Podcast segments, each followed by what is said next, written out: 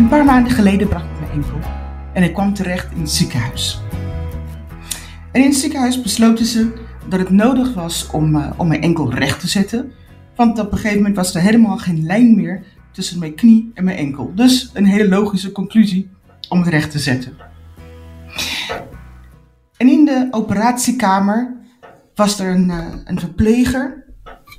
En um, hij was bezig om alles klaar te zetten, want ik zou, onder, zou ondergaan, dus onder een soort narcose met ketamine. En ik zei tegen hem toen ik daar lag, ik zei, meneer, als ik, uh, ja, als ik um, hier niet uitkom, zeg maar, um, is het niet erg. Dus voel je in ieder geval niet schuldig voor als ik gewoon niet wakker word. En hij draaide om en hij kijkt naar mij en met een hele zorgzame blik zei hij: Mevrouw, wilt u niet meer leven? Heeft u een, uh, hebt u een wens om te stoppen met het leven? Ik zei: Oh nee, meneer, dan begreep u het helemaal niet goed. Ik zei: Gast, ik, als ik hier niet wakker word, dan word ik wakker waar ik hoor, waar ik vandaan kom. Bij mijn vader in de hemel word ik wakker. En ik begon een beetje mijn handen te wrijven. En ik dacht, nou, niet enthousiast, Lucinda. Maar het was op dat moment, was het bijna, weet je, van die momenten dat je denkt van, het zou maar zo'n moment kunnen zijn. En ik heb helemaal geen wens om niet te leven. Maar ook dat is zo'n hele mooie vooruitzicht. Het is een hoop, het is een perspectief en het is een zekerheid. Vanuit Hebreeuwen weet ik dat mijn geloof een zekerheid is. En hij, hij glimlachte en uh, ja, ik wist niet precies, ik, ik wist natuurlijk niet precies wat, uh, wat zijn wat levensweg was. En ik ging onder narcose en toen ik wakker werd, zei hij tegen mij, mevrouw, u was de hele tijd aan het zingen. iets met I'm not lucky, I'm loved. Ik zei, oh ja meneer, ja nee, geluk is niet zo mijn ding, ik ben geliefd. Maar ik was helemaal in een roes en ook in dat, uh, het was een trip, hè, want ketamine is gewoon een hallucinerende, hallucinerende middel. En ook daar was ik niet alleen. Ik zweefde boven de, de, de boomtoppen, maar ik was niet alleen. En ik durfde zeggen met wie ik was. En soms denk ik, wij kunnen natuurlijk wel ervoor kiezen om altijd aan God te vragen. En dat is de gebed van veel gemeenten en veel mensen, een behouden weg.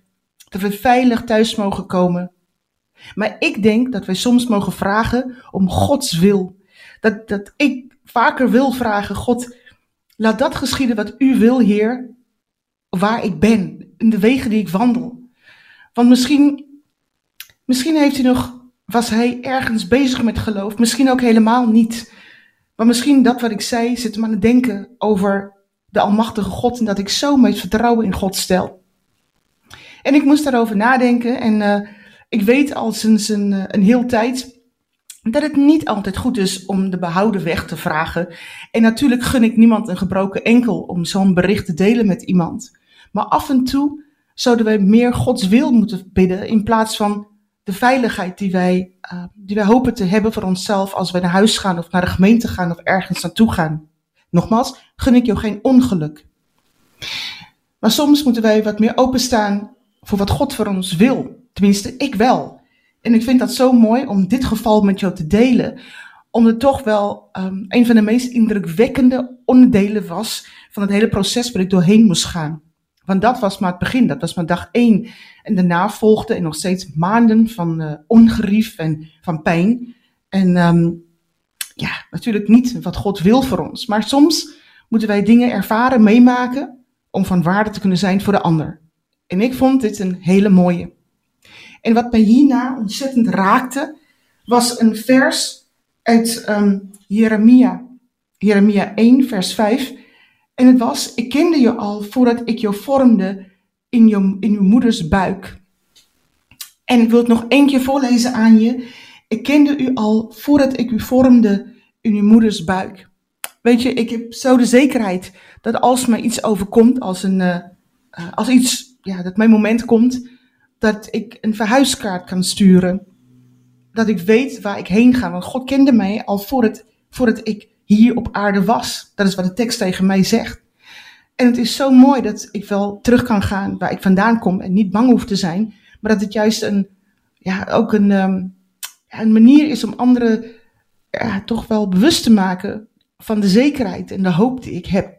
En zo, zo is ja, een van die verhalen van mijn enkel wat mij enorm heeft geraakt. Dat in pijn en een beetje verdriet, dat ik van waarde mocht zijn. Ik denk dat God dat van ons allemaal wil, ongeacht wat wij hebben als pijn en verdriet. Maar een heel mooi moment om, eh, om bij stil te staan.